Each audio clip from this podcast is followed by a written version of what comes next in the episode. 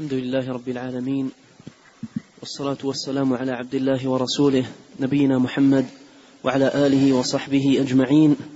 أما بعد فيقول شيخ الإسلام أحمد بن تيمية رحمه الله تعالى في الفتوى الحموية الكبرى نقلا عن ابن خفيف ونعتقد الصبر على السلطان من قريش ما كان من جور أو عدل ما أقام الصلاة من الجمع والأعياد والجهاد معهم ماض إلى يوم القيامة والصلاة في الجماعة حيث ينادى لها واجب إذا لم يكن عذر مانع والتراويح سنة.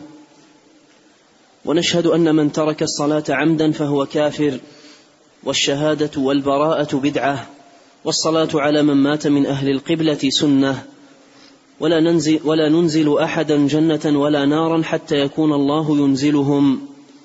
والمراء والجدال في الدين بدعة. بسم الله الرحمن الرحيم.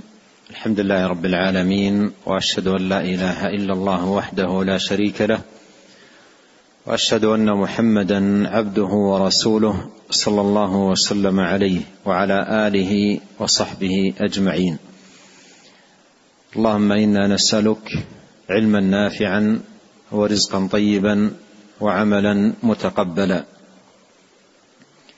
أما بعد قال رحمه الله تعالى فيما نقله عن أبي عبد الله محمد بن خفيف في ذكر المعتقد قال ونعتقد الصبر على السلطان من قريش ما كان من جور أو عدل ما أقام الصلاة من الجمع والأعياد.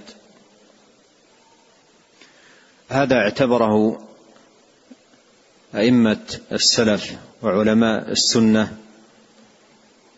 من أمور المعتقد لأن أمره عظيم وصلاح شأن الناس وانتظام مصالحهم لا يتحقق إلا به ولهذا جاءت الشريعة بالتأكيد على هذا الأمر. وإيجابه والتحذير من إهماله والتفريط فيه وذكر ما يترتب على العناية بهذا الأمر من المصالح العظيمة التي تعود على الأمة وعلى جماعة المسلمين وأيضا ما يترتب على الإخلال به من الفساد العريض والشر العظيم وإراقة الدماء واختلال الأمن وفساد أمور الناس وأحوالهم. فالشريعه جاءت بهذا الأمر الذي هو السمع والطاعة والصبر في هذا المقام وأنه يكون هذا السمع والطاعة في المنشط والمكره والعسر واليسر واليسر وإن كان هناك أثرة أو شيء من الظلم أو نحو ذلك لأن هذا السمع والطاعة أمر غاية في الأهمية في انتظام مصالح المسلمين. وذلك أنه لا تنتظم مصالح المسلمين إلا بجماعة ولا جماعة إلا بإمام ولا إمام إلا بسمع وطاعة فهي أمور منتظمة. ولا تتحقق المصلحة إلا بها. ومن هنا جاءت الشريعة بالتأكيد على ذلك. وعامة من كتب من أئمة السلف في المعتقد يورد هذا الأصل في جملة أمور المعتقد لما له من أهمية عظيمة ومكانة علية ولما, لا ولما يترتب عليه من المصالح ودرء الشرور والمفاسد. قال ونعتقد الصبر على السلطان. مراد بالسلطان من ولي أمر المسلمين. قال ونعتقد الصبر على السلطان من قريش. قوله رحمه الله من قريش أخذا من الحديث وعده بعض أهل العلم متواترا عن النبي صلى الله عليه وسلم الأئمة من قريش. الأئمة من قريش. ولكن كما بين أهل العلم هذا إنما هو عندما تكون الولاية بالاختيار. أما إذا حصلت ولاية بالغلبة فإنه يسمع ويطاع لولي الأمر وإن لم يكن منهم. كما يدل لذلك قول النبي صلى الله عليه وسلم وإن تأمر عليكم عبد حبشي. وقوله ما كان من جور أو عدل. هذا فيه رد على الخوارج ومن نحى نحوهم في أن السمع والطاعة لا يكون إلا لأئمة العدل دون الجور والظلم. وقولهم هذا باطل مخالف للنصوص الثابتة عن رسول الله صلى الله عليه وسلم. فالسمع والطاعة يكون لأئمة العدل وأئمة الجور.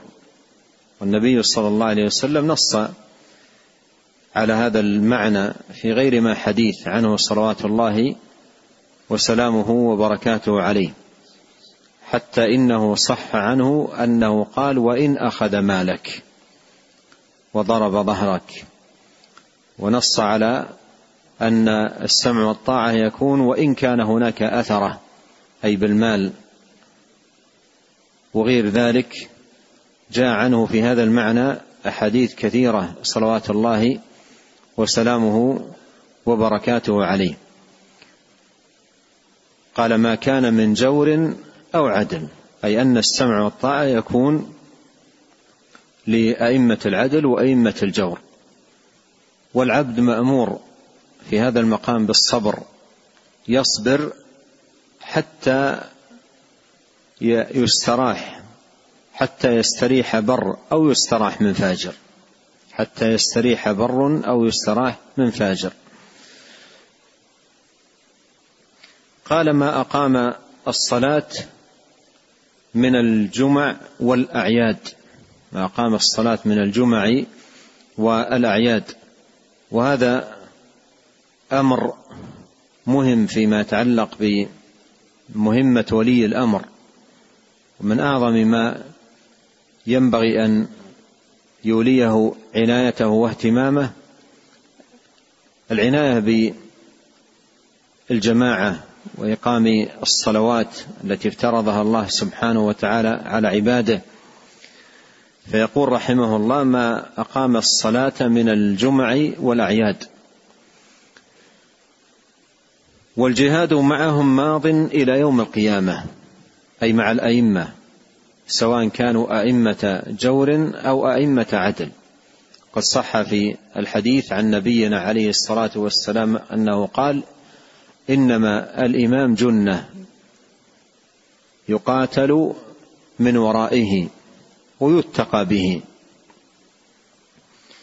قال رحمه الله تعالى والصلاة في الجماعة حيث ينادى لها واجب إذا لم يكن عذر مانع إذا لم يكن عذر مانع.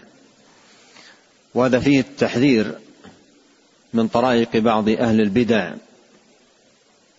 ولا سيما من نحى منحى أهل. أهل منحى الخوارج فإنهم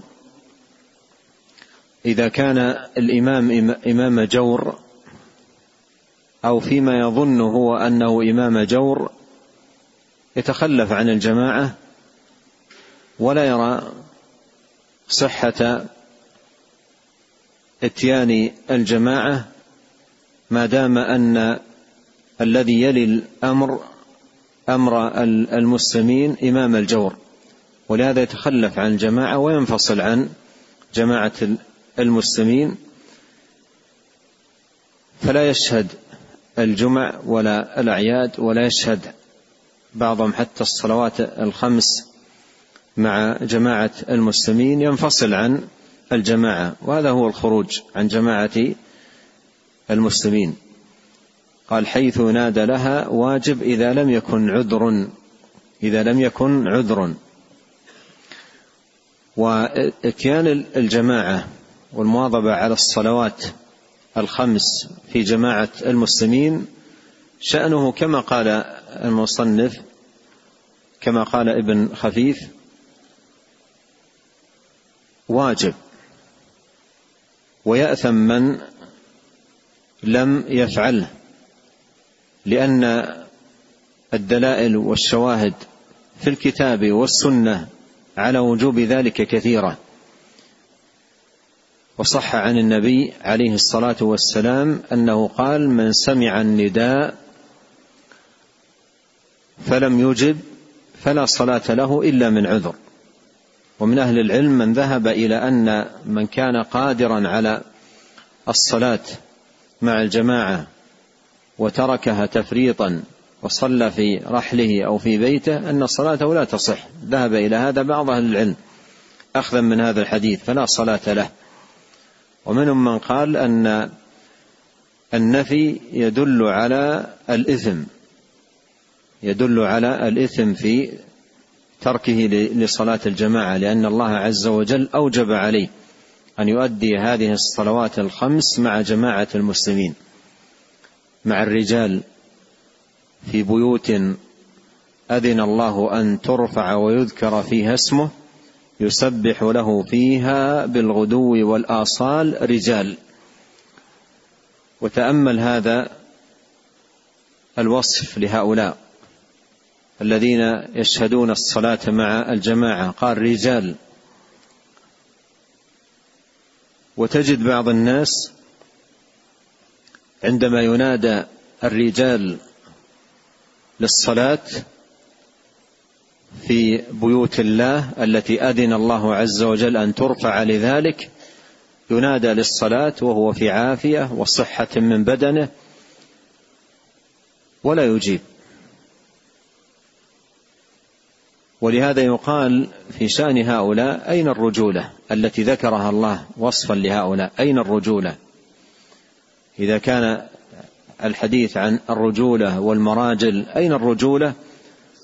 ولا يكون مع هؤلاء الذين قال الله عنهم رجال لا تلهيهم تجارة ولا بيع عن ذكر الله وإقام الصلاة.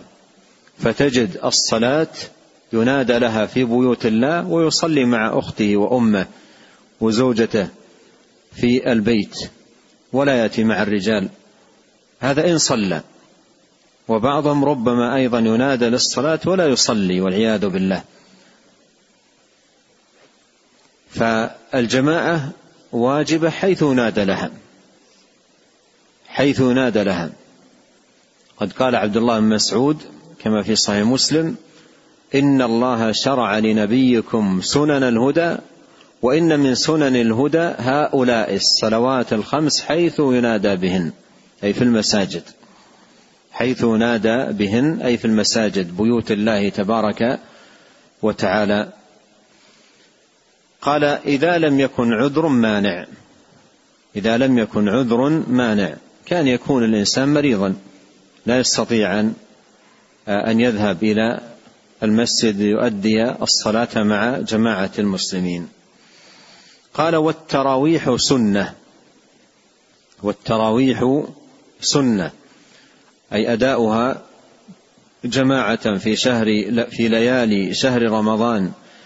المبارك سنة مأثورة عن النبي الكريم صلوات الله وسلامه وبركاته عليه. وأثبت هذه السنة رحمه الله تعالى في هذا الموضع. والموضع ذكر لأمور المعتقد.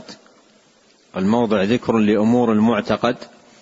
أورد هذه السنة لوجود طائفة من أهل البدع. أنكرت هذه السنة وأعلنت إنكارها وادعت أنها بدعة. فلهذا أثبت ذلك رحمه الله أثبت رحمه الله تعالى هذه السنة في جملة أمور المعتقد أي ردا على هذه الطائفة من أهل الضلال والانحراف والباطل في دعواهم أن صلاة التراويح ليست بسنة وإنما هي بدعة. والذين ذهبوا إلى ذلك هم الرافضة. الذين ذهبوا إلى ذلك هم الرافضة وقالوا إن الذي أحدث صلاة التراويح عمر بن الخطاب وأنه لا وجود لها قبله. وهم عندما يقولون ذلك يقولونه عن جهل كامل بدين الله سبحانه وتعالى. وجهل تام بالماثور عن الرسول صلى الله عليه وسلم إضافة إلى ما عرف به القوم من الكذب. حتى إن الشافعي رحمه الله تعالى قال ما رأيت أشهد بالزور أي بالكذب من الرافضة.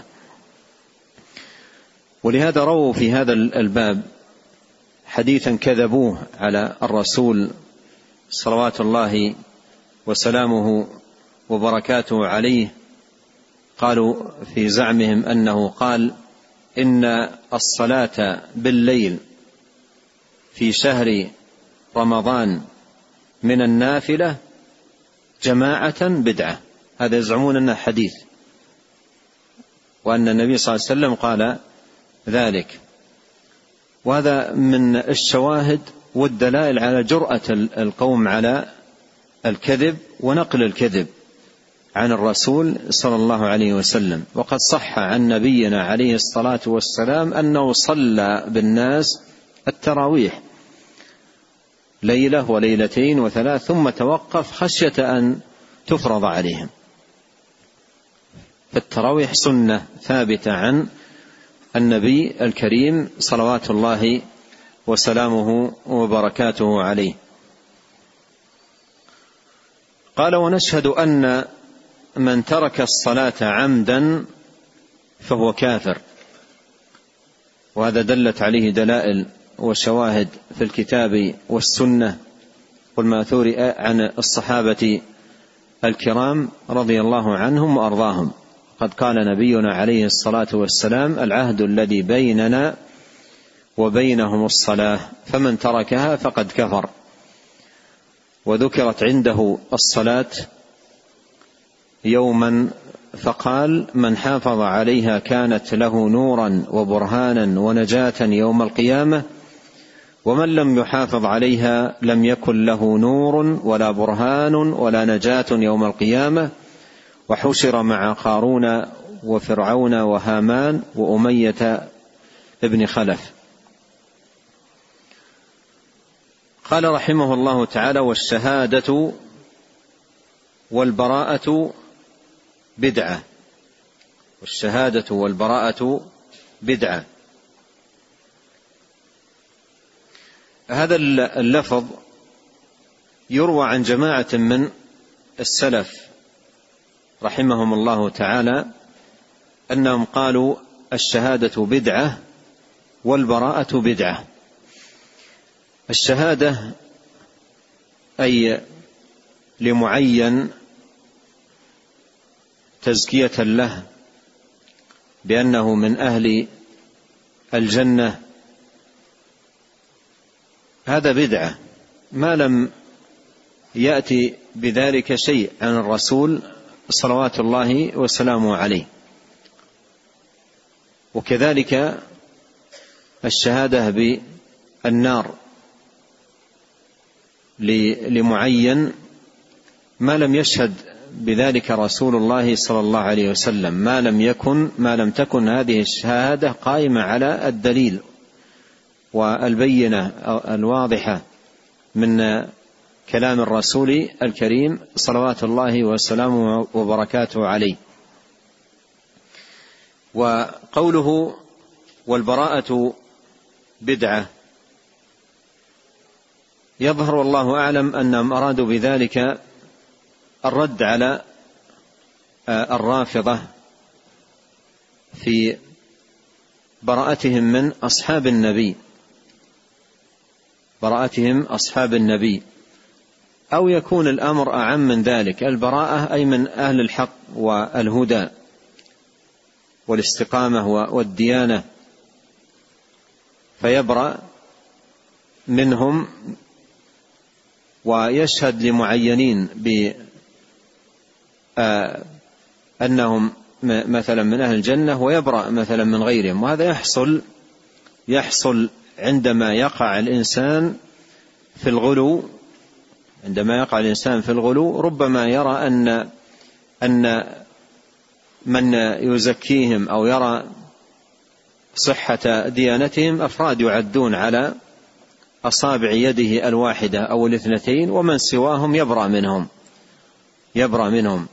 فأيا كانت الطريقة في الشهادة والبراءة التي هي من مسالك أهل الباطل وطرائق أهل البدع فكل ذلك بدعة ليست من دين الله تبارك وتعالى وإنما مما أحدثه أهل الضلال والأهواء والباطل.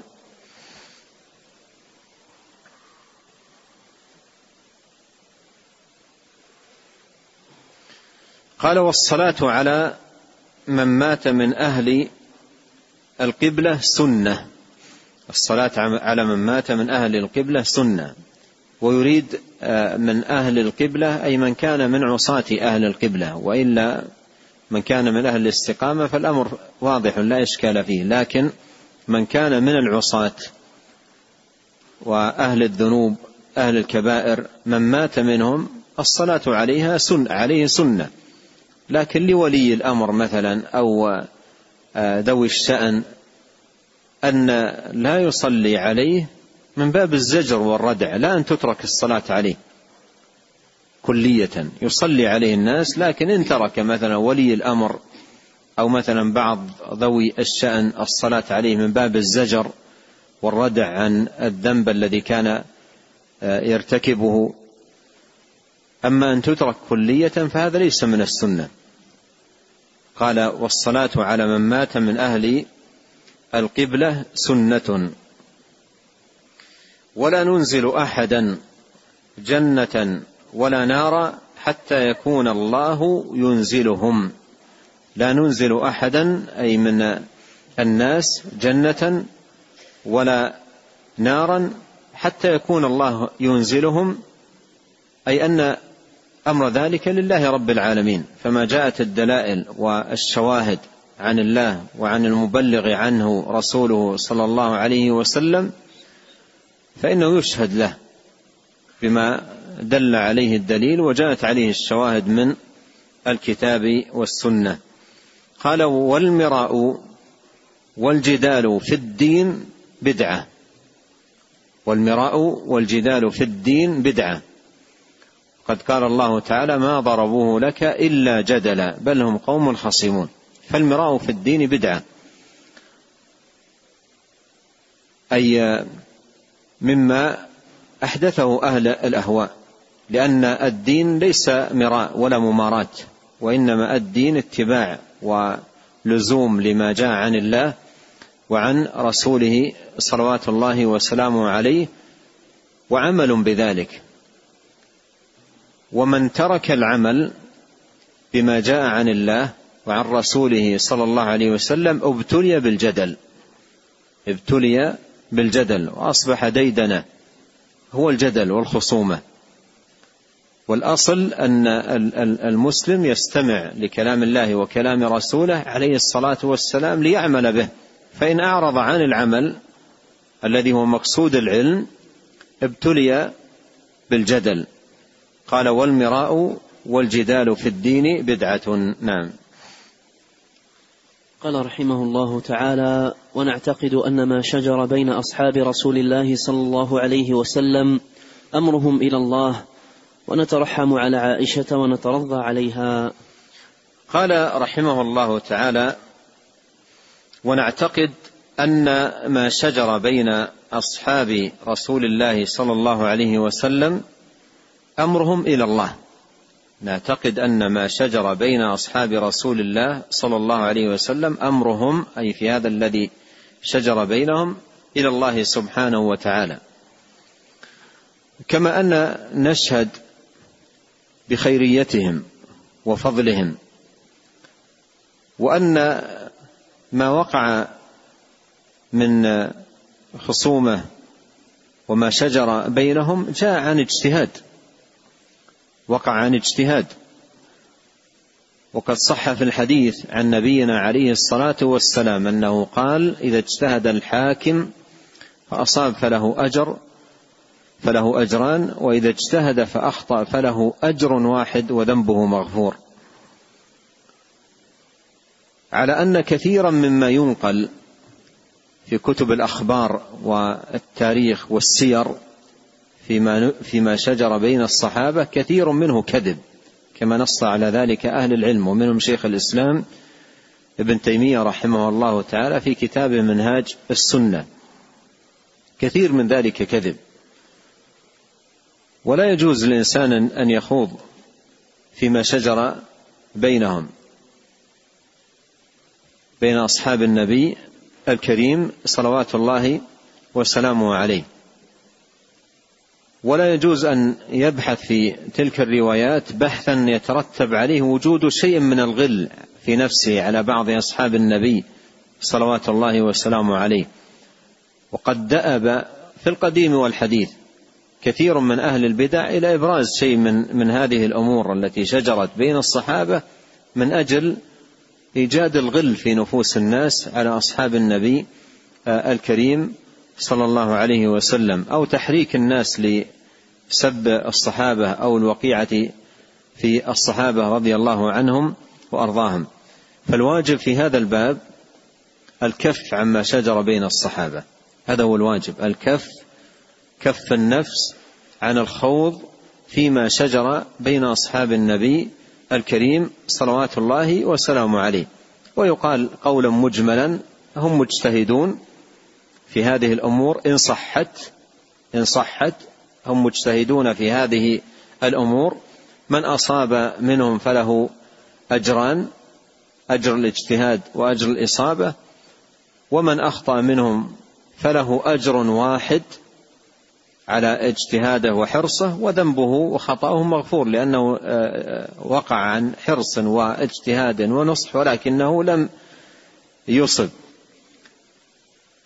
أما من جاء بعدهم فما شأنه؟ تلك أمة قد خلت لها ما كسبت ولكم ما كسبتم ولا تسألون عما كانوا يعملون. أحد السلف سئل عن ذلك فقال تلك فتنة طهر الله منها سيوفنا فنطهر ألسنتنا. لا نخوض في, في, في ذلك. ولا يستثنى في هذا الخوض في هذا الباب إلا أمر واحد لأكابر العلماء. أكابر العلماء يدخلون في, في, في هذا الباب للرد فقط على المبطلة للرد على المبطلة مثل ما قال شيخ الإسلام ابن تيمية رحمه الله لما خاض فيهم أهل الباطل بالباطل لزم أهل الحق أن يخوضوا فيهم بالحق أي ردا لباطل هؤلاء. وتكذيبا لهم في افترائهم أو تقولهم أو انتقاصهم أو وقيعتهم في صحابة النبي الكريم صلى الله عليه وسلم ذبا عن الصحابة الكرام رضي الله عنهم وأرضاهم وتبيانا لمكانتهم العلية ومنزلتهم الرفيعة. قال ونعتقد أن ما شجر بين أصحاب رسول الله صلى الله عليه وسلم أمرهم إلى الله. هذه خلاصة وافية أمرهم إلى الله. جل وعلا. أما نحن لا نخوض في ذلك. هذا معنى قول امرهم إلى الله لا نخوض في ذلك. نترك أمرهم إلى الله سبحانه وتعالى وهم فيما كان منهم أو فيما صح من ذلك بين مجتهد مصيب له أجران ومجتهد مخطئ له أجر واحد. وذنبه مغفور. قال رحمه الله تعالى ونترحم على عائشة ونترضى عليها. خصها رضي الله عنها من بين الصحابة ذكرا بالترحم والترضي ربما لأنها رضي الله عنها وأرضاها من أكثر الصحابة من تطاول على مقامها الرفيع ومكانتها العلية أهل الضلال وخصوصا الروافض. فإن كلامهم في الوقيعة في أم المؤمنين رضي الله عنها وأرضاها عائشة وطعنهم فيها وسبهم لها وشتمهم لها من أكثر ما كان منهم وقيعة في أصحاب النبي الكريم عليه الصلاة والسلام.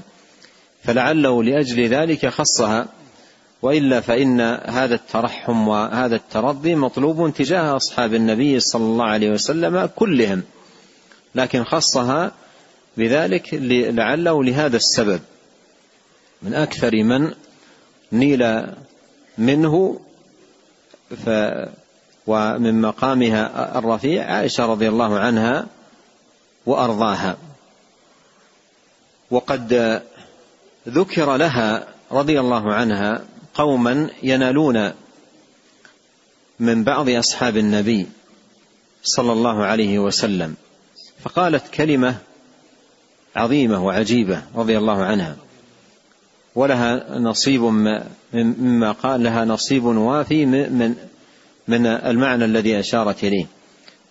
قالت رضي الله عنها إن الله عز وجل لما انقطع عنهم أي الصحابة العمل هذا معنى كلامها ما أحب أن ينقطع عنهم الأجر. لما انقطع عنهم العمل ما أحب أن ينقطع عنهم الأجر. تشير رضي الله عنها إلى أن هؤلاء السبابة للصحابة. لا يضر الصحابة أو لا ينال الصحابة من سبهم شيء ويؤخذ من حسناتهم. وهذا معنى قوله ما أحب أن ينقطع عنهم الأجر. يؤخذ من حسناتهم للصحابة عملا ب أو كما دل على ذلك الحديث حيث قال عليه الصلاة والسلام أتدرون من المفلس؟ قالوا المفلس فينا من لا درهم له ولا متاع. قال إن المفلس من أمتي من يأتي يوم القيامة بصلاة وصيام وصدقة ويأتي وقد شتم هذا وضرب هذا وقذف هذا وسفك دم هذا فيؤخذ من حسناته فيعطون. إلى هذا المعنى تشير رضي الله عنها بقولها آه، إن, إن إنهم لما انقطع عنهم العمل ما أحب الله أن ينقطع عنهم الأجر. نعم. قال رحمه الله تعالى والقول في اللفظ والملفوظ وكذلك في الاسم والمسمى والقول في أن الإيمان مخلوق أو غير مخلوق بدعة. ويؤجل هذا إلى اللقاء القادم بإذن الله سبحانه وتعالى. نسأل الله الكريم رب العرش العظيم أن ينفعنا أجمعين بما علمنا وأن يزيدنا علما وأن يصلح لنا شأننا كله وأن يغفر لنا ولوالدينا ولمشايخنا وللمسلمين والمسلمات والمؤمنين والمؤمنات الأحياء منهم والأموات. اللهم آت نفوسنا تقواها وزكها. أنت خير من زكاها. أنت وليها ومولاها. اللهم إنا نسألك الهدى والتقى والعفة والغنى. اللهم أصلح لنا شأننا كله ولا تكلنا إلى أنفسنا طرفة عين. اللهم اقسم لنا من خشيتك ما يحول بيننا وبين معاصيك ومن طاعتك ما تبلغنا به جنتك ومن اليقين ما تهون به علينا مصائب الدنيا. اللهم متعنا بأسماعنا وأبصارنا وقوتنا ما أحييتنا واجعله الوارث منا. واجعل ثأرنا على من ظلمنا وانصرنا على من عادانا. ولا تجعل مصيبتنا في ديننا ولا تجعل الدنيا أكبر همنا ولا مبلغ علمنا ولا تسلط علينا من لا يرحمنا. سبحانك اللهم وبحمدك أشهد أن لا إله إلا أنت أستغفرك وأتوب إليك. اللهم صل وسلم على عبدك ورسولك نبينا محمد وآله وصحبه. جزاكم الله خيرا.